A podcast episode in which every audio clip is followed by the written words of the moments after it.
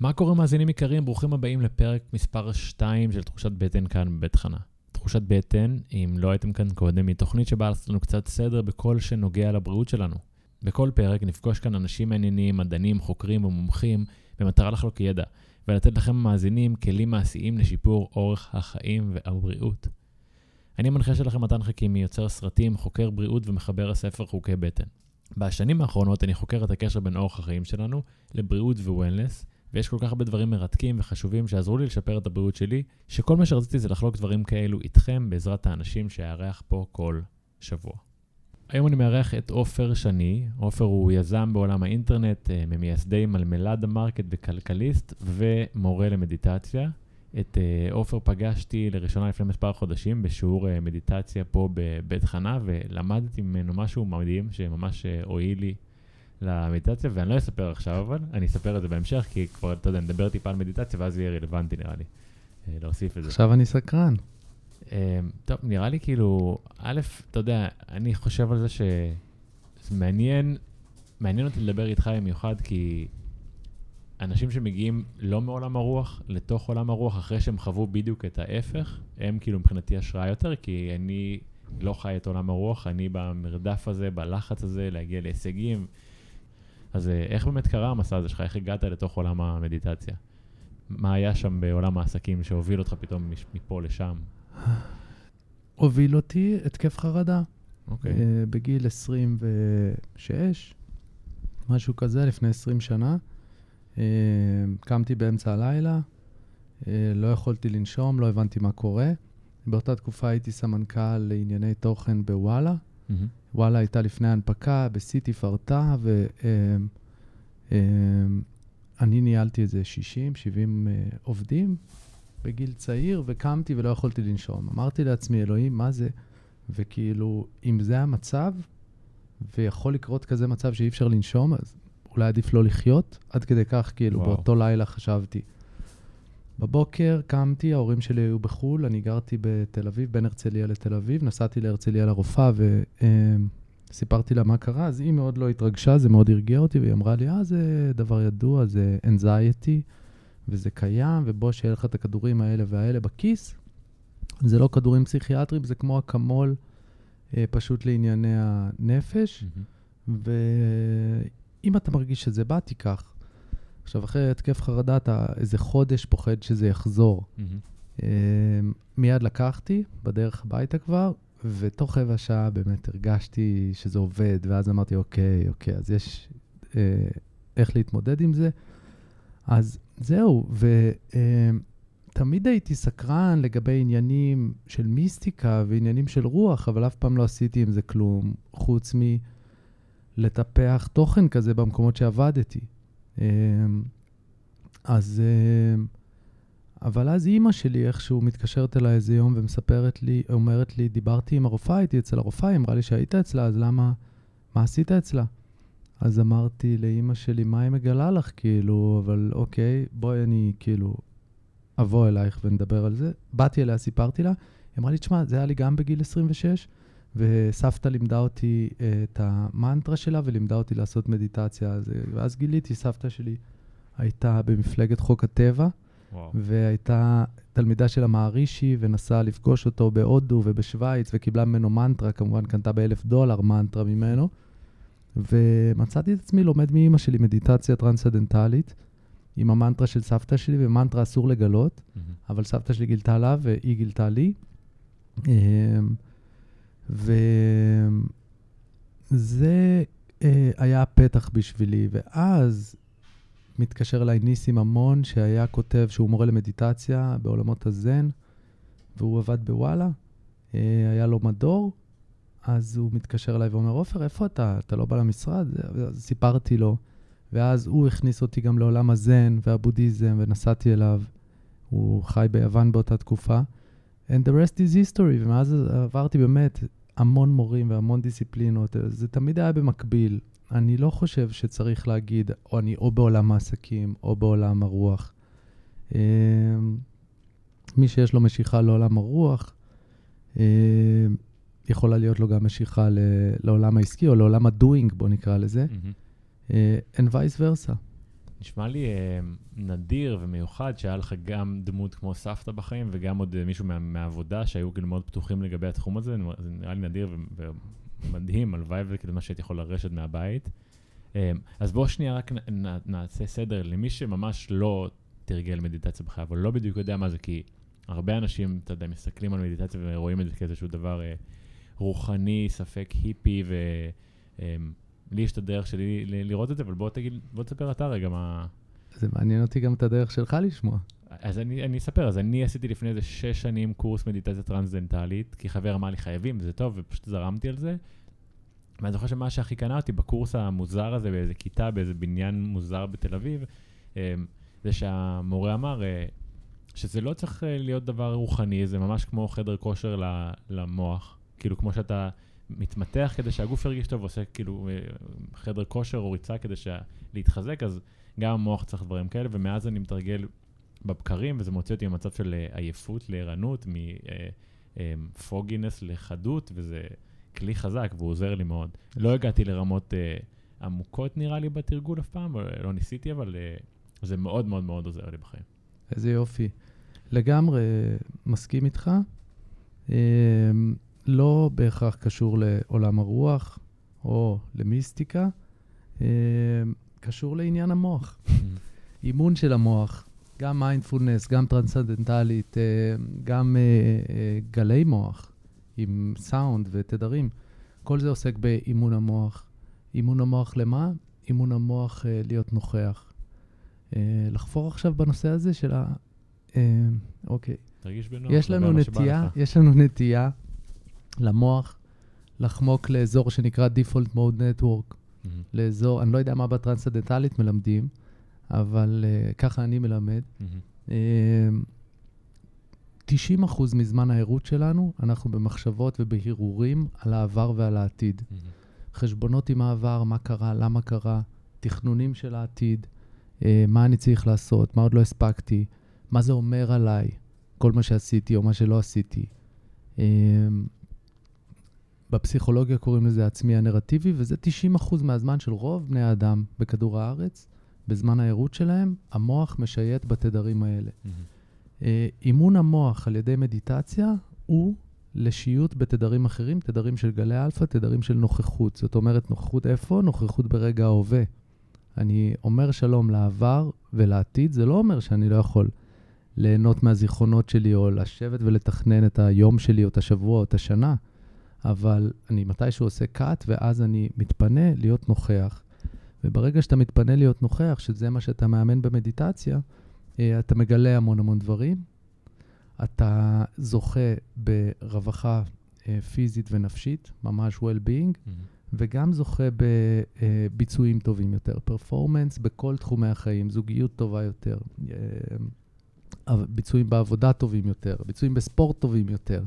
אה, פשוט משפיע על כל תחומי החיים. העניין הזה של להיות נוכח, שהגוף נמצא איפה שהראש, ומי שעובד בתאגידים מכיר את זה טוב מאוד, חדר, חדר ישיבות מלא באנשים, ואף אחד לא נמצא.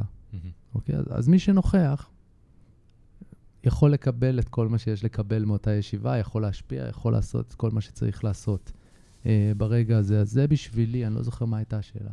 מה זה אה, מדיטציה? כן, מה זה בעצם, למי שלא, כאילו, מה זה אומר? אז בן אדם, איך הוא מקדיש לזה זמן, מה הוא צריך לעשות בזמן הזה, מה- מה מומלץ, מה פחות מומלץ? תשמע, מה זה מדיטציה? זו שאלת השאלות. אני שאלתי את זה חבר קרוב לפני כמה ימים, הוא היה אצלנו בבית ביום שבת. שאלתי אותו מה זה מדיטציה. 30 דקות אחרי שהוא מסביר לי, עוד לא ידעת. הם כבר היו צריכים ללכת, ואז אני לא הספקתי להגיד uh, זה, ואז הוא כתב לי, אבל לא אמרת אתה מה זה מדיטציה. קשה נורא להסביר מה זה מדיטציה. אני יכול להגיד שזה, צריך להפריד בין התרגול של מדיטציה מהמם, לגבי חיים מדיטטיביים, מהמם. אוקיי? התרגול של מדיטציה הוא מכני, הוא טכני, הוא לא fun מהמם, בשום רמה. מהמם. אמ, הוא עוסק באימון של המוח. זה לא אומר שיהיה לך נוח שאתה עושה את זה, תכף אני אסביר מה צריך לעשות בדיוק. זה לא אומר שיהיה לך נעים בגוף, זה לא אומר שאתה לא תחשוב על דברים, שתחווה שקט, ממש לא. לפחות במיינדפולנס, תכף אם אתה רוצה נדבר על טרנסצדנטלית, כל המטרה של האימון ומה שאתה עושה באימון זה לשים לב למה קורה. לשים לב למה קורה ברגע הזה. להתחיל לשים לב למה קורה ברגע הזה. עכשיו, מה קורה ברגע הזה? קורים הרבה דברים בחוץ, למשל, אנחנו פה, יש מזגן יחסית קר, אני שם לב לזה. Uh, אני שם לב לקול של עצמי שאני שומע עם האוזניות, שהוא מפתיע אותי בנעימותו. Uh, אני שם לב לכל מה שקורה בחוץ, צלילים, uh, טמפרטורה. Uh, אני שם לב גם למה שקורה בפנים, אני שם לב לנשימה שלי, איך אני נושם עכשיו.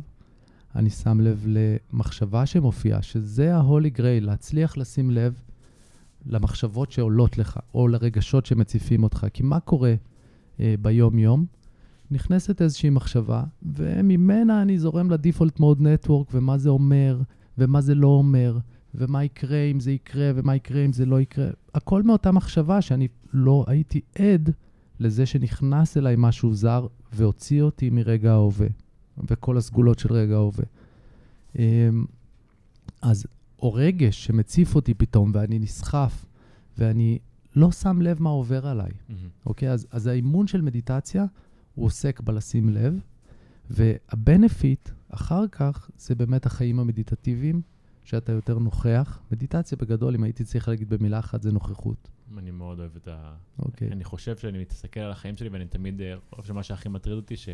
באמת הנוכחות לא ברמה הכי גבוהה, ורוב הזמן ההתעסקות היא באמת בעבר ובעתיד, ואתה דיברת עכשיו ואמרת כל מה שאתה חווה בחדר, ואני אמרתי, רגע, אבל אני בכלל חושב על זה שאני, מה השאלה הבאה שאני אשאל אותו, ואיך היום במדיט...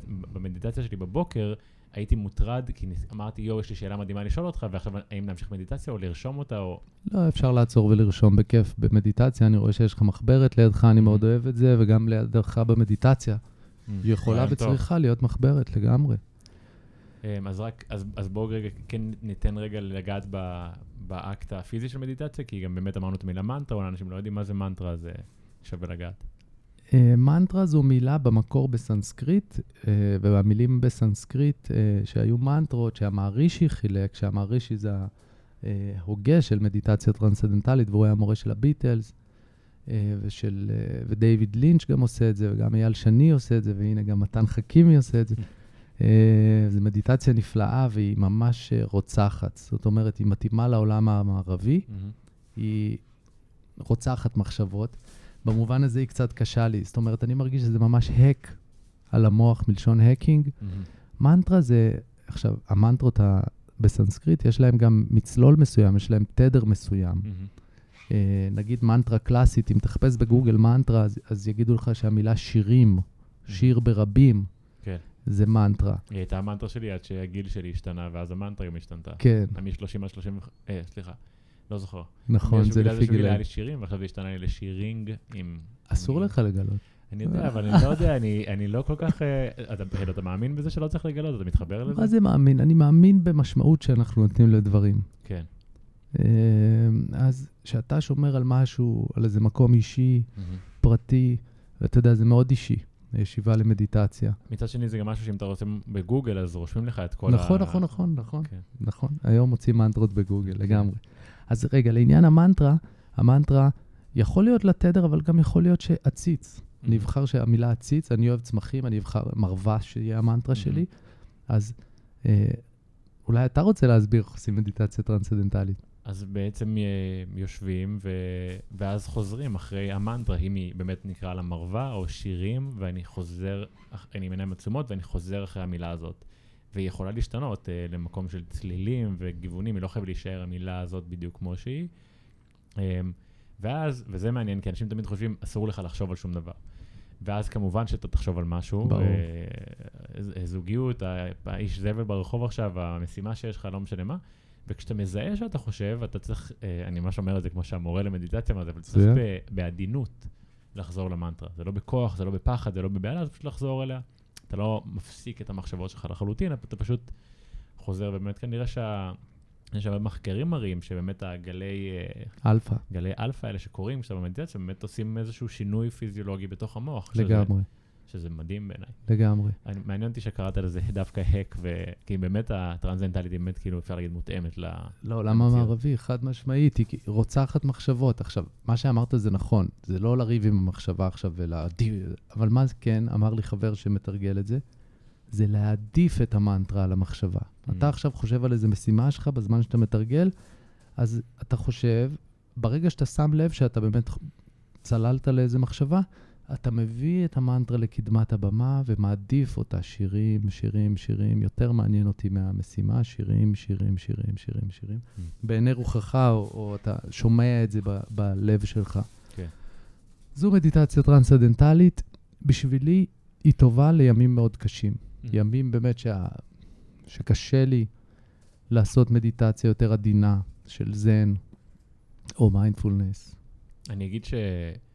כמו שאמרת, אף פעם לא נוח לעשות מדיטציה. זה אף פעם, אף פעם, אף פעם לא בא בטוב, אני עושה את זה שנים, זה תמיד מלחמה. תמיד אני יכול לבחר לעשות כלים רגע לפני זה, או לכתוב משהו, או כלים זה. מדיטציה גם. נכון, אני כן. מסכים. אבל כאילו תמיד תהיה התחמקות, ואז הישיבה לא נוחה, והמחשבה לא נוחה, אבל אה, מה שכן, ב-95% מהפעמים זה עושה את העבודה מדהים. כן. וזה כלי. אז אני כן אחזור רגע ויגיד על מה שדיברנו קודם, שלמדתי ממך. קדימה. אני חוויתי ב, לפני השיעור הזה שהיה איתך, חודשים ארוכים של אה, קושי במדיטציה. הייתי יכול לעשות מדיטציה בסאבווי בניו יורק, או בעיר פה, והייתי יכול לקבל עצבים בזמן המדיטציה, כי מישהו מדבר באמצע, כי יש רעש פתאום, כי יש הפרעה, והייתי ממש עולה לרמת עצבים וחוסר יכולת, אה, שאתה אתה, אתה לא אמור לעבור לרמת עצבים במדיטציה. ואז אמרת משהו שנורא עזר לי, אמרת, תשתמשו ברעש המטריד הזה, כי נראה לי שהיה רעש באמצע השיעור, תשתמשו בו כדי להזכיר לכם לחזור למנטרה. וזה עזר לי בטירוף, וכל כיף. פעם שקורה איזשהו משהו בלתי נסבל, אני כזה, אה, רגע, אני לא... אני חוזר למנטרה פתאום. במקום. לכעוס. כן, כן, אז כלי מדהים, תודה על זה. איזה תענוג לשמוע. היה שווה לבוא. לגמרי. נגיד במיינדפולנס, הצלילים הם לגמרי טכניקה. מיינדפולנס יש כמה עוגנים שאתה אה, שם אליהם לב, והם מקרקעים אותך ברגע ההווה. אה, העוגן הראשון הוא הנשימה. זאת אומרת, יש אנשים שזה כל התרגול שלהם במיינדפולנס, פשוט לשבת ולשים לב לאיך הם נושמים, לא מנסים לנשום באופן מיוחד, אלא רק שמים לב איך האוויר נכנס ויוצא מהגוף, ואז אני יכול להעביר את המודעות שלי לשים לב לתחושות של הגוף. למשל, איפה הגוף שלי פוגש את הרצפה או את הכיסא, האם אני מחזיק איזה איבר בגוף, מה קורה אצלי במצח, מה קורה בין הגבות, אולי העורף אה, לא משוחרר, מה קורה בכתפיים. זאת אומרת, איזו סריקת גוף כזו, זה גם אה, חלק מהטכניקה. אני יכול אחרי זה להרחיב את שדה המודעות שלי לצלילים, וזה אני מאוד מאמין, וזה כנראה מה ששמעת אותי אומר. הכל זה עזרים, כאילו האוטו זבל, הצפצופים, לשים לב לכל דבר שקורה, זה שוב, הכל חלק מרגע ההווה, וזה הרגע שאנחנו מתיידדים איתו. אנחנו נפרדים מהדיפולט מוד נטוורק של המוח, מהעבר ומהעתיד, ושמים לב לאותם דברים לפעמים, כאילו, א', הם תמיד יומיומיים, לפעמים סופר מעצבנים, כמו שאמרת ב subway, או פה בתל אביב. הרעש של משאיות זבל הוא כאילו בלתי נתפס פה בתל אביב. Mm-hmm. אז כל הדברים האלה חלק מהמדיטציה, ולכן תרגול מדיטציה, לא fun, לא fun בהגדרה. אנחנו ממש בקרב, עכשיו מתאמנים, זאת אומרת מתאמנים, לא בקרב, ואז יוצאים לחיים, ופתאום יש לנו איזו רווחה שהראש לא חופר. אתה לא, כאילו, הדיפולט מוד נטוורק הזה, המצב הטבעי אצל 99% מהאוכלוסייה, זה כמו אוטו שהוא על בלוקים בפול גז. מהמם. כאילו, הגלגלים בטירוף נוסעים, מסתובבים, ואתה לא נוסע לשום מקום. המחשבות האלה של העבר והעתיד לא מובילות לכלום, הן חוזרות על עצמן. ואתה יודע מה עצוב? אדם, כל אדם, חושב בין 12,000 ל-50,000 מחשבות ביממה. וואו, תחשוב על המספר הזה. מטורף. נניח אתה ער 15 שעות, נניח אתה בנמוך חושב 15,000 מחשבות, מהמם. 1,000 מחשבות לשעה. זה, אין לי כוח לחשב את זה עכשיו, זה המון. זה כאילו איזה שלוש מחשבות לעשר שניות, אני חושב. כן, שלא. שכולם לא כאילו רלוונטיות להווה. כן, לא קשורות לכלום, כל מיני הזיות שלך. מדהים. ראיתי איפשהו, קראתי עליך ורשמתי לעצמי לדבר על זה, אמ, כי בואו נדבר גם על עוד דברים חוץ מהפרקטיקה של מדיטציה, כי הרבה אנשים כבר עושים ומתרגלים. ויופי. אמ, ראיתי שכתבת משהו, אני לא זוכר כבר מה, אבל על, ה, על ההתנהלות של התקשורת בחודשים האחרונים, במיוחד עם, ה, עם, ה, עם הקורונה. אמ, שזה נראה לי, אתה יודע, כן, אפשר לקשר את זה באמת גם למקום אה, רוחני, של אנחנו חיים באיזושהי מציאות, ואין התעסקות נכונה בדיוק בהווה, כשאתה מתעסק- מת- מתעסקים איתך בפחד ובעתיד כל הזמן, ומה יכול לקרות, וסתם מעניין אותי מה אתה חושב על זה ואיך אתה מקשר את זה לעולם שלך באמת. אה, יש לי הרבה מחשבות על המציאות, ואני כאילו... הקורונה זה חתיכת שיעור פה שאנחנו מקבלים כאנושות. קודם כל, עצירה גלובלית, עצירה משותפת, שלפחות בחודשים הראשונים זכינו בה ממש, כאילו, לאי עשייה. מהוורקוהוליק הכי גדול עד הבטלן הכי גדול בתל אביב, כולם עשו את אותו הדבר, וזה היה מופלא. זה הוריד הרבה סטרס לאנשים, Mhm. זה הוסיף גם סטרס להרבה אנשים, אבל uh, פתאום שקט, פתאום מנוחה כפויה. עכשיו, uh, התקשורת, תשמע, אני גדלתי בתקשורת, הייתי 20 שנה בתקשורת. Uh, עדיין אני מרגיש שאני בתקשורת בגלל שאני באינסטגרם. אבל um, אני מצפה מכל מי שעוסק בהשפעה על תודעה בכלי תקשורת, לגלות אחריות ולג... ולהראות את כל הצדדים, ו... ובמיוחד התקשורת הכלכלית, אני חושב, מאוד מאוד הפחידה uh, בתקופה הזאת, לא רק הכלכלית, כל התקשורת מאוד מאוד הפחידה. מה שעוד ביאס אותי בתקשורת בישראל, שהיא הייתה נורא מקומית. ובמיוחד גם ברגע הזה שבאו לבנות ממשלה, כן או לא. יש לנו אירוע גלובלי הכי מעניין שהיה לנו אי פעם. עזבו אותנו ממה אומר האיש הזה או מה אומר האיש ההוא. דברו איתנו על מה קורה בעולם. דברו במקרו. מה אה, מה היית עושה אם היית בשליטה בתקשורת? איך היית מתרגם את זה מעשית לתוכן? קודם כל הייתי אה, מתעסק ברמה הגלובלית, ויוצא מהביצה הזאת, ובטח שלא מזכיר פוליטיקה בכל התהליך הזה שעברנו כבני אדם, וכאילו, אני מלמד מדיטציה, כל מיני חברות בחו"ל, אז אתה יושב בזום מול אנשים בניו יורק. זה בשבילי היה הדיווח התקשורתי הכי מעניין, כאילו, להסתכל להם בעיניים, לראות מה קורה, לשמוע אותם. אני לא, לא ראיתי ראיון עם ניו יורקר אחד בתקשורת הישראלית בכל התקופה הזאת. נכון. תן לי לשמוע גרמני, תן לי לשמוע אמריקאי, תן לי לשמוע סיני. למה אני צריך לעבור דרך פילטרים של מנהיגים שלהם ולשמוע מה המנהיגים אומרים? במקרה הטוב, או במקרה הרע, רק מה המנהיגים שלנו פה בארץ אומרים.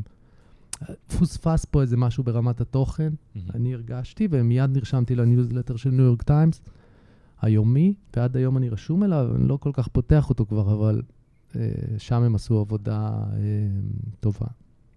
הנגשת תוכן בצורה שונה, כאילו, אתה אומר. יותר מעניין, יותר uh, גלובלי. עכשיו, מבחינת ההפחדה, אין מה לעשות. הם צריכים למכור עיתונים, ואוהבים סנסציות. ואני חושב שכאילו... אבל באמת אני משוגע, כן. אני בקטע של רוחניות, אני בקטע של האימפקט על האינדיבידואל, אני בקטע, אני רוצה שידווחו על התודעה, אני לא רוצה שייסעו לירח, אני רוצה שייסעו ללב, אוקיי?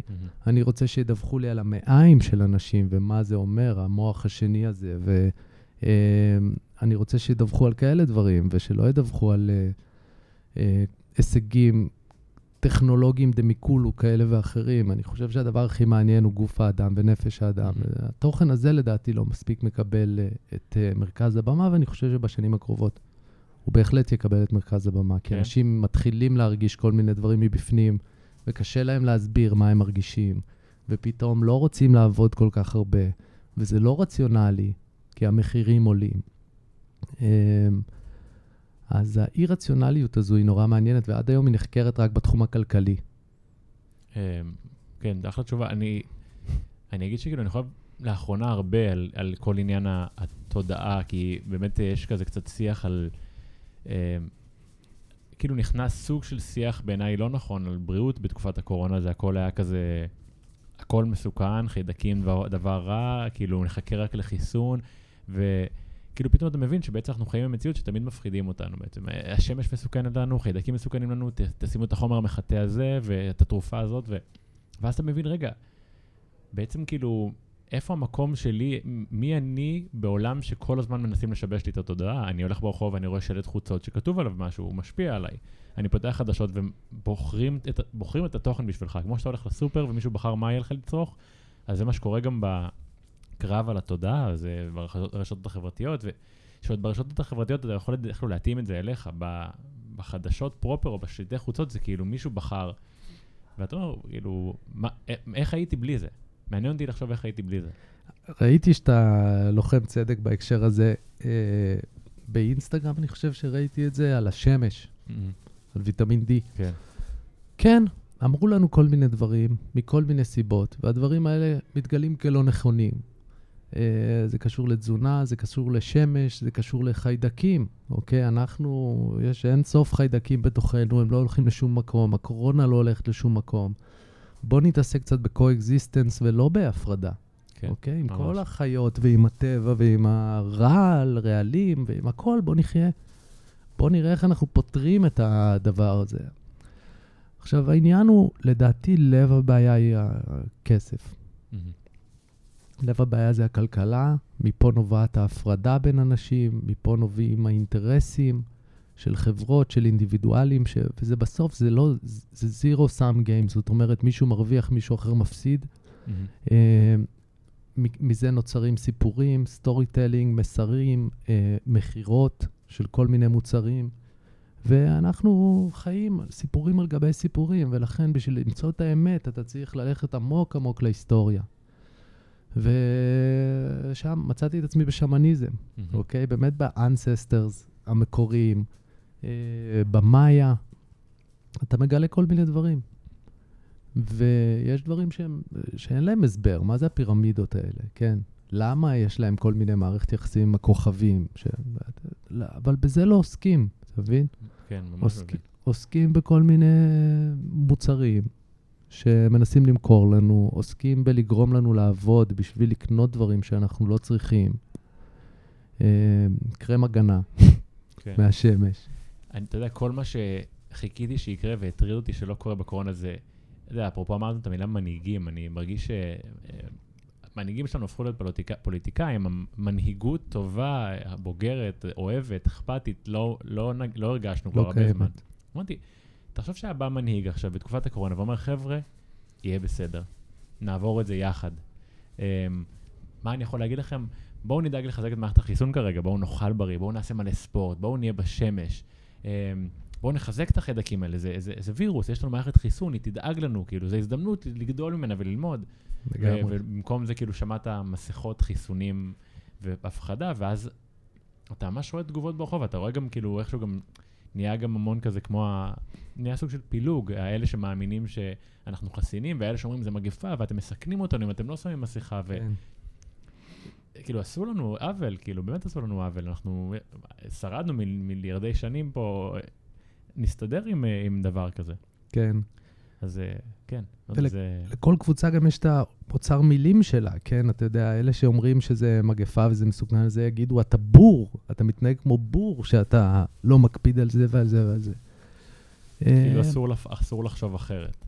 שמע, אבל זה נורא מעניין, כאילו, תחשוב על עצמך בשדרות בן גוריון פה.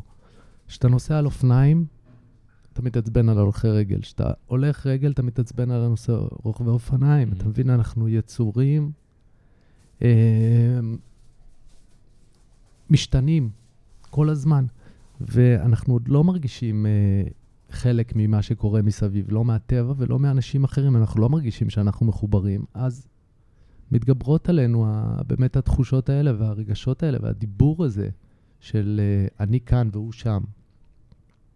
אני חושב שהפתרון הוא מודעות. מודעות, אגב, זה הפרי, כאילו, זה המתנה של מדיטציה. מהמם. ומה זה מודעות? שאני בכל רגע יודע מה עובר עליי, ואני גם יודע מה קורה מסביבי, ואני מסתכל עליך ומרגיש מה עובר עליך, ואני יודע ששנינו עכשיו בחדר הקטן הזה, ואני רוצה שיהיה בו טוב, מהמם. אוקיי? זה מודעות. אה, בכל רגע, אתה יודע, בתכנות, קוראים לזה קומיט, לעדכן כאילו את הקוד. מהמם. אתה כל הזמן מעדכן, אז הנה עכשיו אני כאילו, אה, הטמפרטורה היא כזאת, ואתה עכשיו ככה, ואני עכשיו ככה, ולכן הכי נכון יהיה להתנהג ככה וככה. מבחינתי זו, זו, ה- זה הפתרון. אם כולנו נעלה את רמת המודעות שלנו, אני אתן לך דוגמה. יש איזה מישהי בבניין שלי, מהמם. שכבר עשר שנים אני יורד איתה במעלית, מעולם לא אמרה לי שלום. אוקיי. עכשיו, אני עם ילדים קטנים סופר חמודים, מעולם לא אמרה להם שלום. נורא עניין אותי הדבר הזה, כאילו, מי זה האדם האגואיסט הזה שלא אומר שלום? עכשיו, אתה יודע, אתה רואה בן אדם פעמיים ביום במשך עשר שנים, אתה, אחרי שנתיים תגיד לו שלום. אם אתה אגוז קשה, אתה, אחרי שנתיים. עשר שנים לא אמרה לי שלום, עדיין, אגב, לא אומרת לי שלום. ואיזה יום לאחרונה נחשפתי לשיחת טלפון שלה. סוף סוף שמעתי אותה גם מדברת. ומה הלך בשיחת טלפון הזו? היא דיברה על אה, איזה ארגון הפגנה, איזה באמת doing good רציני. אה, אנחנו נפגין, זה, זה לא בסדר מה שהם עושים, אנחנו צריכים לתקן את העוול הזה, משהו כזה בעולמות האלה היא דיברה. עכשיו, אז אני אומר לעצמי, כאילו, לכל הרוחות, הבחורה הזו, האישה הזו, היא בת 70 בערך, good doer, היא עושה טוב, אבל היא מפספסת, כאילו, משהו כל כך בסיסי של להגיד שלום, של להסביר פנים, אז זה חוסר מודעות. אתה מבין? יש אנשים שרצים לאיזה כיוון, אבל רטיות על העיניים. הם, כאילו, את עוברת מול מישהו, תגידי שלום, זה הבסיס. אחרי זה תלכי להפגין, אחרי זה תעשי אלף ואחד דברים לתקן את העולם. אבל אני רוצה להבין, אתה, אתה אומר לה שלום? ניסית יום אחד, אה, כאילו, מה, מה קורה מהצד שלך בעצם בסיפור הזה? שאלה מצוינת. לא. אתה לא אומר? אני לא מבין. אני חושב שאמרתי, ניסיתי כמה פעמים, אין סיכוי שלא ניסיתי, כן? לפני כמה שנים אני בטוח שניסיתי. אבל אתה יודע, אתה מרגיש תדר של בן אדם. אה, כן. אוקיי, אני מסתכל לה בעיניים, אני מחכה להסתכלות בעיניים, ואז אני אגיד שלום. אה, לא היה שם תדר של, אה, אתה יודע, היה שם תדר של ריצה בעיניים עצומות. אני מרגיש הרבה אה, את הדבר הזה כלפי גוד דוארים מכל מיני דיסציפלינות. אתה יודע, אלה שלוחמים על האיכות סביבה, והרבה מאוד, אני לא רוצה להזכיר פה, לה- להביא עליי קהילות, הרבה בקהילות של הזכויות בעלי חיים. מהמם. מצד אחד לוחמי צדק, מצד שני, יוצרים הרבה אה, שנאה, הבנתי מה אתה אומר. אתה מבין? כן, אמ, אני אגיד סתם ש... תראה, תדרים והרגשה, מה זה תדרים? אתה יודע, זה אולי נשמע מאוד אה, רוחני, אבל אתה מרגיש בן אדם כשאתה מולו. אתה רואה אם הוא לפעמים רוצה אינטראקציה, לא רוצה אינטראקציה, אבל קרה לי נכון. בחיים שאתה מרגיש שהבן אדם הוא כאילו הכי לא רוצה, ואז פתאום אתה אומר שלום, ואתה אומר, וואו, כאילו רק חיכה לזה, כי הוא מאוד מתבייש, הוא בחוסר ביטחון שלו, בעניינים שלו. אתה לקחתי, יכול- היום אני אומר לה שלום. יואו, יואו, אני צריך לעשות פרק ב' כדי לשמוע מה קרה היום אני איתה. אומר לה שלום. מעניין, סגור, אתה חייב לעדכן אותי. לגמרי. גדול. אמ, רוצה להגיד לך משהו על תדרים רגע. אה, בבקשה. תדרים זה לא רוחני, תדרים זה מדעי, תדרים זה העתיד של רפואה, צליל או תדר זה קדם חומר, לכל צליל אה, אפשר לבטא אותו בצורה גרפית, ותדרים וצלילים יכולים להשפיע על הפיזיות שלנו, על הבריאות שלנו, על ה-DNA שלנו. והדבר הזה בשנים הקרובות יתפוס יותר ויותר את מרכז הבמה הרפואית. יש לנו עיוות מאוד מאוד גדול ברפואה, שאנחנו אה, אינסטלטורים, אוקיי? הרופאים הם טובים מאוד בניתוחים, טובים מאוד ברפואה דחופה. אה, מפספסים ספקטרום ענק, חלק גדול מהספקטרום בהפרדה שלהם של אה, גוף ונפש. היום קצת פחות, ומבינים שסטרס הוא אחד הגורמים, אם לא הגורם, לכל הבעיות הפיזיות, לרוב הבעיות הפיזיות הקיימות. אה, אז יש בורות מאוד גדולה לדעתי בעולם הרפואה, והבורות הזו זוכה ללגיטימציה, כי זה מדע, אבל כל הנושא של צלילים ותדרים, it's the future. אתה יודע מה הבעיה עם צלילים ותדרים? מה? אי אפשר למכור אותם. בדיוק. זה, זה תמיד שם, זה תמיד, אגב, אני בעשייה שלי, אתה יודע, מאוד אה, אה, מאמין שאנחנו לא צריכים שום דבר בשביל להרגיש טוב יותר. אתה יודע, תאכל טוב, תחיה טוב, תהיה עם עצמך, וזה קשה גם להתפרנס מזה, כי אתה, אתה לא רוצה למכור כלום, אני אומר, לא צריך למכור כלום בעצם כדי שזה יהיה טוב, וגם אנשים קשה לתפוס את זה, הם רוצים לקנות משהו ולפתור את זה עם משהו פשוט. אני ממש סקרן אה, לשמוע מה דעתך על... אה, תראה, אני נמצא במצב שאני מוצא את עצמי הרבה פעמים בסטרס, כי אני לא עומד בקצב מסוים, או כי אני רוצה להגיע להישגים כלכליים, בדרך כלל כלכלי- כלכליים, לפעמים גם הישגים שהם נראים טוב על הנייר, אבל בדרך כלל הם כלכליים, וזה מביא הרבה לחץ, ו... וזה בסופו של דבר דברים שקשורים לחומר, לקנייה, לרכישה, וללא ספק אי אפשר גם להתעלם מזה שזה מדינת ישראל, היא יוקר המחיה גבוה פה, ויש איזו השפעה על לחץ, אבל מה הגישה אה, שלך, או הגישה של עולם הרוח, כאילו, כלפי באמת הגישה הזאת? האם אפשר להסתכל על זה אחרת? אני מוסיף לזה עוד משהו שאמרת לי לפני הראיון, שיש לך תחושה שהרבה יותר קל לאלה שעשו את זה, או שיש להם איזושהי רווחה כלכלית, להתפנות עכשיו לעולם הרוח ולהרגיש יותר רגועים ולהיות יותר נוכחים ולעשות יותר מדיטציה. לגמרי. אני רוצה להוסיף את זה לתשובה שלי. כן, זה הפיל שנמצא כאן בחדר, והוא נמצא בכל חדר. כמעט כל מילה שאמרת במשפטים שאמרת הקפיצה אותי. והמילה הראשונה שהקפיצה אותי, אמרת, אני ממהר, או אני רץ, או אני, אה, אני בלחץ, להספיק. כן.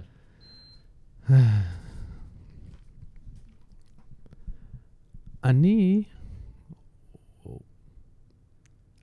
בואו, היה פה איזשהו צליל, בואו נמשיך. לא יודע מה זה היה.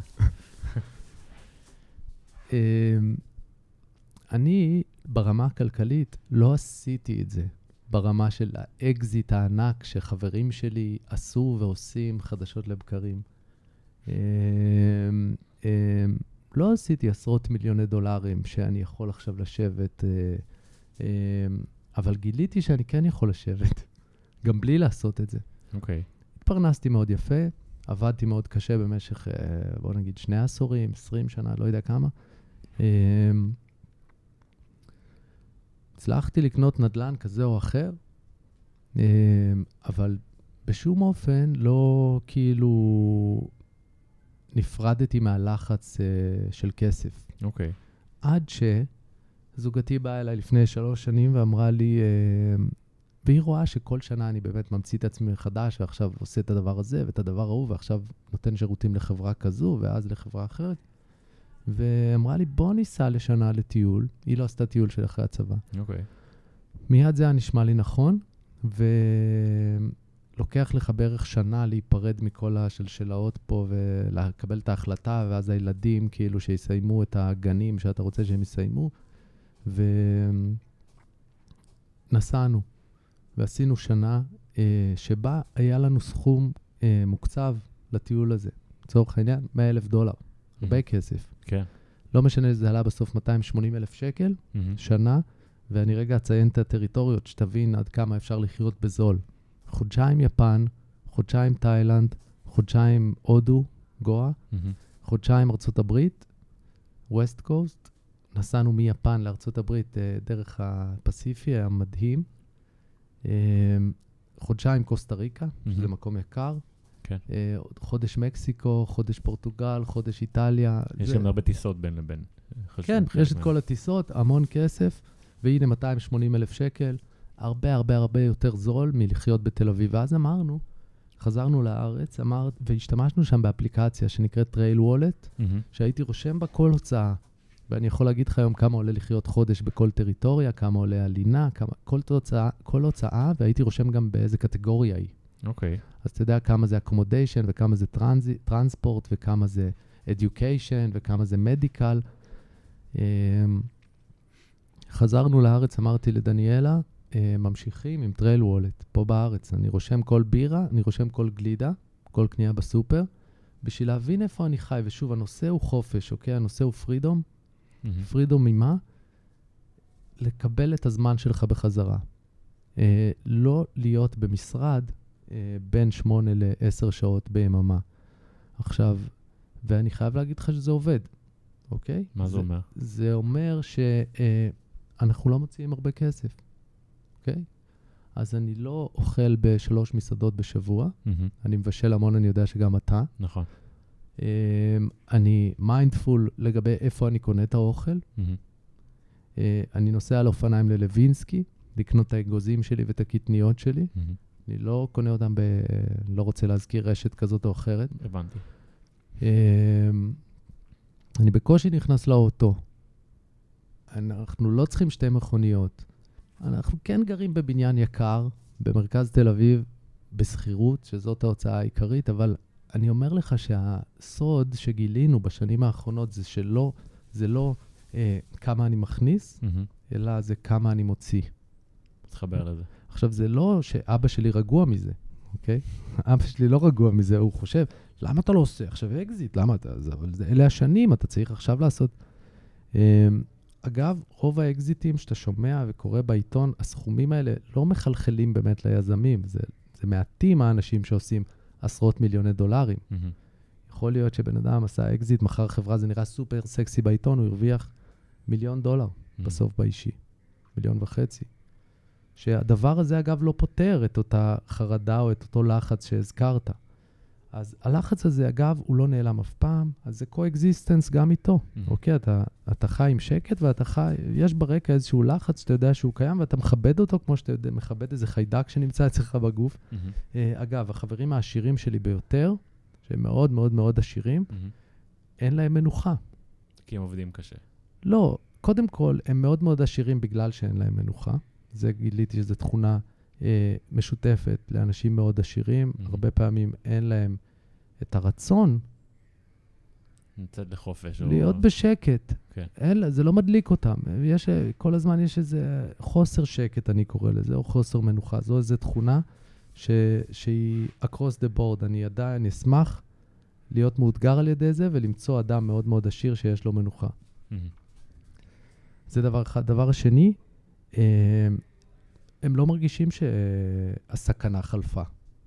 בלי קשר לכמות המיליונים או המיליארדים. אה, הכל בעיניים שלהם יכול להיגמר ביום אחד.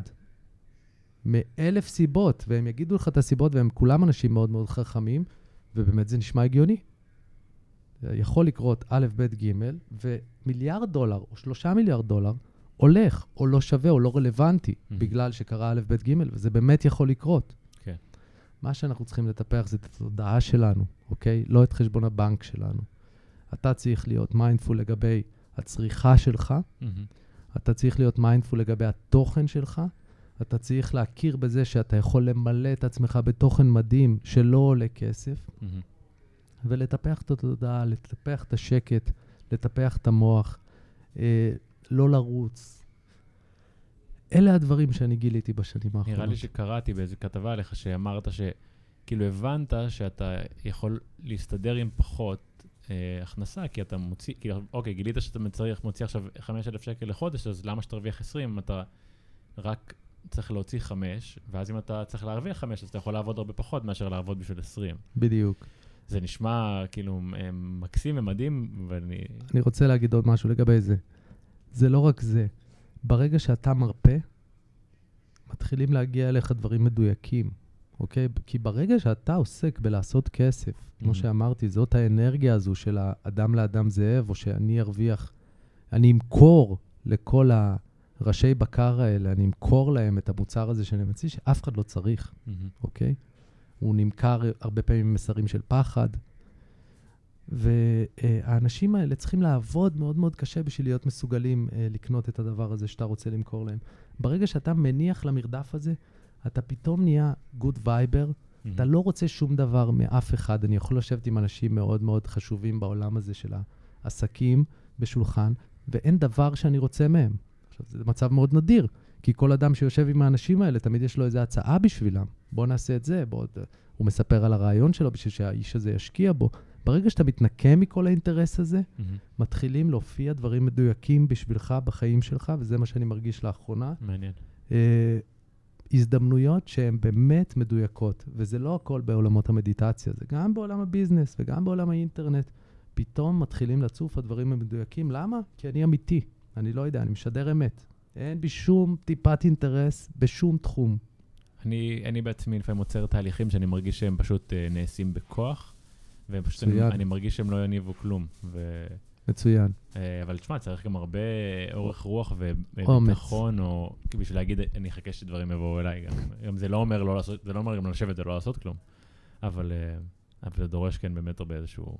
בוא נדבר שנייה על הנושא הזה של לא לעשות כלום. תעצור אותי מתי שצריך. אמ, לא ידעתי, אתה יודע, היה לי את התדמית הזו של יזם אינטרנט. ואז אני נוסע לשנה, וכל הזמן שואלים אותך, מה אתה עושה? תגיד, מה אתה עושה? ואתה הולך לארוחות, נניח, בתקופה שהיינו הולכים למסעדות. במה אתה עובד, כאילו? שואלים כל מיני שאלות. עכשיו, לאגו זה מאוד מאוד מפחיד.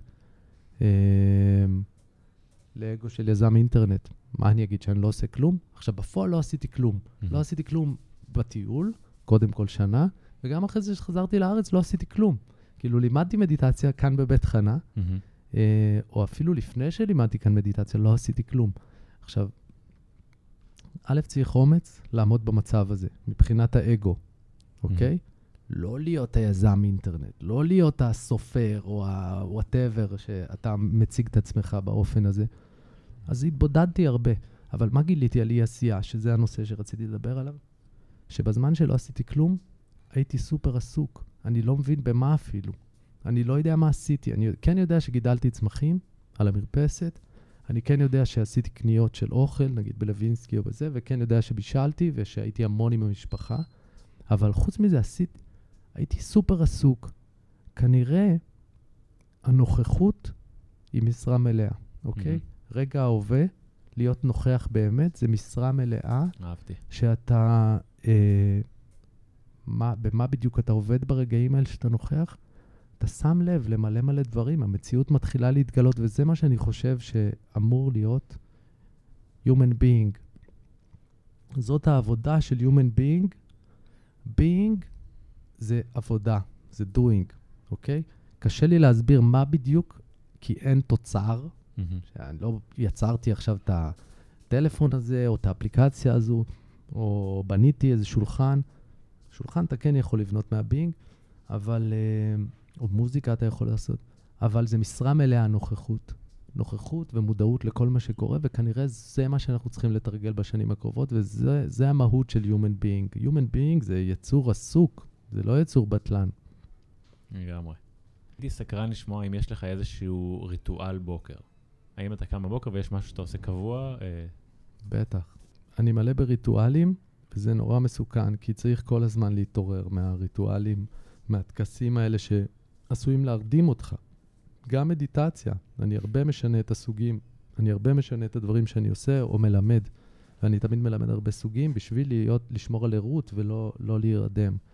Uh, הריטואל, קם בבוקר, דבר ראשון חומק מהמיטה, פעם הייתי עושה את המדיטציה על המיטה, אבל היום יש לנו תינוקת קטנה בחדר איתנו, אז אני הולך אה, לחדר אחר, ואני עושה מדיטציה חצי שעה. Mm. זה הדבר הראשון. בשנייה שאתה מתעורר?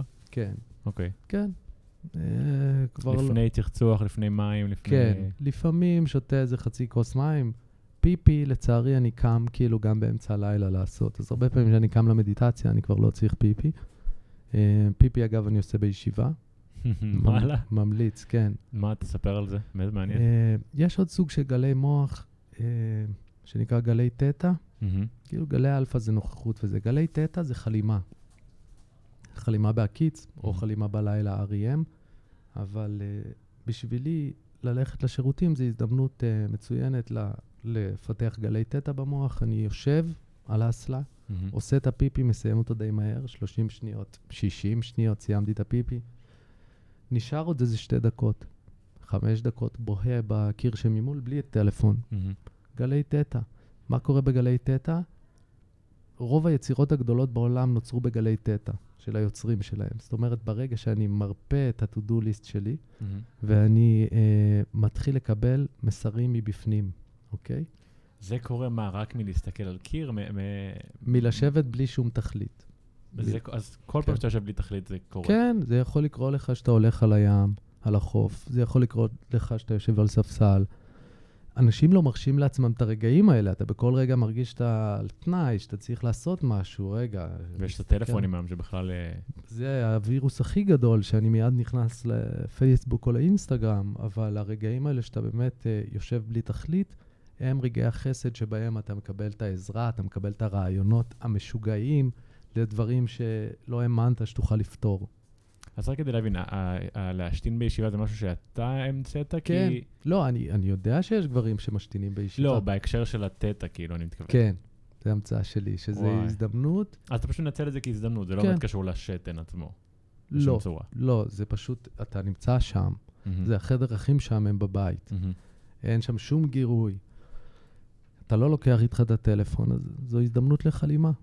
האמת שאיזה קטע, כי פעם ראיתי מים מצחיק, אני אוהב מימים כאלה, והיה רשום, אה, כן, סקס זה מדהים, אבל פעם ישבת על המיטה ובהית בקיר.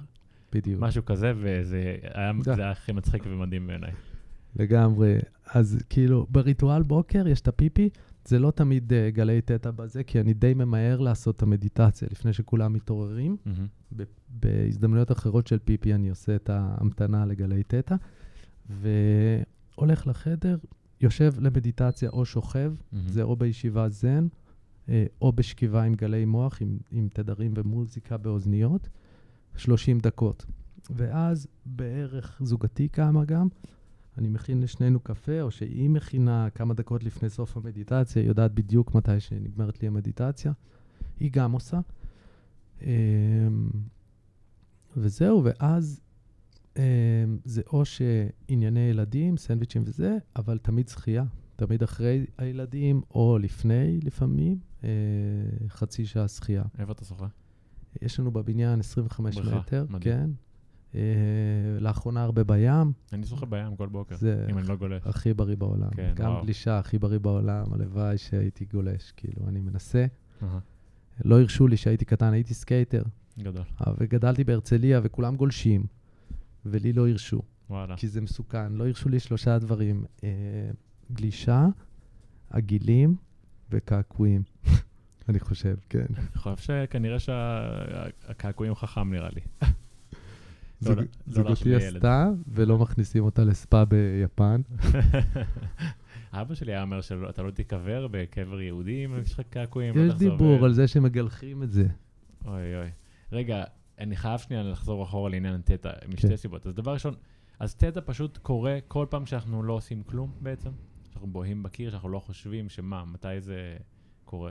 ואז, האם זה קשור לתטא הילינג, ואיך, ומה זה אם אתה יודע לספר על זה? כי שמעתי על זה המון, אבל אף פעם לא ירדתי לעומק של זה. כן, הייתי בכמה סשנים של תטא הילינג. אני לא מבין מה בדיוק הם עושים, אני מניח שהכלי נגינה שהם מנגנים בהם משייטים בתדרים של תטא. מהמם. תטא זה תדר מאוד איטי. אני, בוא נדבר רגע על גלי מוח. יש את הגל הכי נמוך, שזה דלתא, מהמם. שאנחנו ישנים. דלתא, סופר חשוב. הגוף מרפא את עצמו בזמן שאנחנו ישנים. מהמם. אה, חשוב להילינג. ואז יש טיפה יותר מהיר, אורך גל יותר מהיר, אה, זה אה, תטא, שזה בין ערות לשינה. Mhm. רגעי החלימה האלה זה לפני שאנחנו נרדמים ולפני שאנחנו מתעוררים, או שאנחנו מוצאים את הרגעים לעשות פיפי בישיבה, ואז אנחנו אה, זוכרים בזה.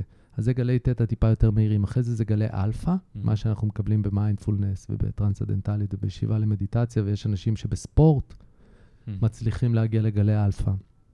ואחרי האלפא יש בטא, mhm. שבטא זה גלי מוח שיש כאן ל-90% מהאנשים בשדרה. Mhm. אה, גלי מוח מהירים של to-do list, שאני עכשיו מרוכז, שאני רוצה להתרכז באיזה משימה. והרבה אנשים שעושים ספורט, דרך אגב, הם בגלי בטא, הם לא בגלי אלפא, כי הם בסופר מצוינות שלהם, ומה הזמן, וכמה אני מספיק, ואיך יצא לי עכשיו הגל הזה, ואתה יודע, הם לא באמת ב flow. Mhm. Flow זה גלי אלפא. Mhm. אז יותר מהיר מאלפא זה בטא, זה ה-to-do list, ומעבר לזה יש גם עוד גלי מוח שנקראים גלי גמא, שהתגלו לאחרונה אצל נזירים בודהיסטים שעושים מדיטציות עמוקות, והמוח צריך להיות מאוד מאוד שקט בשביל להצליח להגיע לתדר המהיר הזה, והתדר המהיר הזה קורא לנו שאנחנו סקרנים, מהמם. שאנחנו עם חמלה, שאנחנו אלטרואיסטים. זאת אומרת, נראה לי שמעתי לאחרונה על זה ש... אני לא זוכר אם גלי תטא, אבל אה, גילו אצל נגיד ספורטאים, נגיד אצל אה, חובט בייסבול, שנייה לפני שהוא פוגע בכדור. כאילו איזשהו... תטא, גילו? לא זוכר, לא זוכר. אבל משהו כזה, וזה היה ממש לאחרונה, וזה. נשמע מעניין. ממש בשנייה לפני שהוא פוגע, שהוא באיזשהו זן כאילו... וואו, אז אולי, אולי אלפא. יכול להיות, זהו, אני לא זוכר, אבל... אה, שמע, לגבי התטא ששאלת, אה, למשל, אה, פול מקארטני כתב את הלחן של, אה, סליחה, את המילים של Yesterday, mhm, שנתיים לא היה לו לחן. Mhm, ולפי הסיפורים שלו, הלחן ל Yesterday הגיע לו בחלום. Mhm. אלברט איינשטיין, רוב הקריירה שלו בחלימה. וואו. כי הוא היה אחד האסטרונאוטים הכי גדולים. אתה יודע, הסיפור הקלאסי עליו שהוא נוסע ברכבת, ו... אה, עכשיו, אלברט איינשטיין זה הבן אדם הכי מפורסם בעולם, כי הסינים מעריצים אותו, הם מזהים את הפנים שלו ואוהבים אותו, מהמם, אז זה הפנים הכי מוכרות בעולם. אז הוא נוסע ברכבת, אני לא זוכר מאיפה לאיפה, ואז uh, מגיע הכרטיסן, והוא מיד קם ומתחיל לחפש את הכרטיס בטירוף, ואז הכרטיסן בא ואומר לו, מר איינשטיין, זה בסדר, אני מזהה אותך, אני יודע שלא התפלחת לרכבת. אז איינשטיין אומר לו, לא, אני פשוט לא זוכר לאן אני נוסע. יא, גדול. אז זה אסטרו חולמני. שמפתח את תורת היחסות בחלום, בחולמנות. ובמציאות כאילו משהו אחר לגמרי. ומה? במציאות הוא הוא אופי אחר לגמרי, הוא דמות אחרת לגמרי. לא, הוא היה חולמני תמיד. כן, אני אומר שכאילו הוא מגיע לדברים מטורפים בחלום, אבל במציאות הוא מפוזר כזה ולא... לא, מה שאני אומר זה שהפיזור זה החולמנות. אה, שהיא הפ- נוכחת כל הזמן. היא נוכחת אצלו, היא נוכחת, אתה יודע, הוא היה. שם גרביים שונות. עכשיו אני אומר, מה שאני אומר, התוצר של החולמנות הזו הוא מופלא מבחינת יצירה, תורת היחסות. Mhm. אה, הלחן של Yesterday, גם הס- הסיפור על ג'יי קיי רולינג, אה, שהארי- שהייתה סופרת בינונית, ואז הדמויות והעלילה של הארי פוטר מגיעים אליה, והיא נורא, סופרים, אתה יודע, זה נורא קשה להחליט, אני עכשיו אעשה ספר מדהים. זה לא דבר שאתה מחליט. מהמם. שהיא בואה בחלון של רכבת אה, בלונדון, פתאום מגיעה אליה ההשראה של הדמויות והעלילה של הארי פוטר עם הרציף הדמיוני הזה. אמ, ואין סוף דוגמאות, הטבלה המחזורית, אין סוף דוגמאות של יצירות משמעותיות, גם במדע וגם בתרבות, הגיעו לאנשים ש- let go, שהם. הניחו ל-to-do list שלהם, יואו, אני אוהב את זה. והרשו לעצמם להיות חולמניים, והגיעה אליהם ההשראה הנכונה בשבילם. כי הרבה פעמים אנחנו מנסים לחקות את האנשים שסביבנו, ואנחנו ממוקדים על איזו מטרה שהיא בכלל לא נכונה לנו, אבל ברגע שאנחנו letting go, של letting go, אם הייתי אומר שיש איזו משימה אחת, זה היה להניח, אתה יודע, to let go, לשחרר את כל האובססיה שלנו על הכל. ואז מתחיל להגיע, מתחילים להגיע הדברים הנכונים. מדהים. איזה אחלה אה, מילים יפות לסיכום. היה מדהים, אה, לפני שאני אשאל אותך שאלה אחרונה, איפה המאזינים שלנו יכולים למצוא אותך, אם זה ברשתות חברתיות, או איפה שהם רוצים ל- לעקוב אחרי מה שאתה עושה וללמוד ממך? מעולה. אמ, עופר שני עם I, O-F-E-R-S-H-A-N-I, גם בפייסבוק, גם באינסטגרם אה, וגם בספוטיפיי. בספוטיפיי יש לי הרבה פלייליסטים של כל סוגי גלי המוח שאפשר להתחבר אליהם, ואז אתה יכול לשים לעצמך. אה, המוזיקה מאוד עוזרת במדיטציה. מהמם. אתה יכול להיכנס דרכם לגלי האלפא ולגלי תטא, או לכל תדר שאתה רוצה שילווה אותך במהלך היום. חוץ מזה, אני גם עושה מדיטציות בגינת דובנוב לאחרונה, מהמם. פעם בשבועיים, אה, כניסה חופשית, מגיעים איזה 50 אנשים, יואו, איזה כיף. הכי חמודים. המדיטציה היא תמיד אה, גם בישיבה קצת, וגם בתנועה טאי צ'י, וגם בשכיבה עם כל מיני תדרים, וזה עם מוזיקה, ומאוד כיף. טוב, אז- אני מצטרף פעם הבאה. יאללה, יום שני הקרוב. יאללה, מדהים. אמ, אז ככה, סתם לסיכום, אתה יודע, לפי, דיברנו על מלא דברים, אבל לפי תחושת הבטן שלך, מה יהיה דבר אחד שהיית אומר, אה, ממליץ לבן אדם בשביל להתקרב יותר ל, ל, ל, לעצמו, ל, ל, לעולם הזה, שדיברנו עליו בשעה האחרונה? תשמע, קודם כל לעשות מדיטציה. אני באמת חושב שכאילו אה, עצירה היא דבר מאוד מאוד חשוב. אה, בוא נגיד, אה, הייתי ממליץ לכל אחד לשים לעצמו ביומן פגישה אה, סודית עם עצמו, שיקרא לה איך שהוא רוצה, ושבזמן הזה או שיתרגל מדיטציה, או שלא יהיה תכלית לזמן הזה. הוא לא יושב עם הטלפון עשר דקות, הוא יושב בלי תכלית. מדהים. זו, זו, זו העצה שלי. אני אה, אספר על עצמי שאני, כל בוקר שאני הולך לים, לשחות או לגלוש, אני לא לוקח אף פעם טלפון איתי, אה, גם, ל- גם ליוגה, כי באמת אה, זו הזדמנות כזאת להתנתק, וזה עושה טוב, זה עושה איזה בריא. יופי. אה, וואי, תשמע, היה סופר כיף לדבר איתך. אה, גם. למאזינים שלנו, אה, תודה שהקשבתם, ואם אה, אהבתם את מה ששמעתם, אז תדרגו אותנו ותחלקו את זה עם אנשים שזה נראה לכם יתאים להם, אה, ונתראה שבוע הבא. ביי.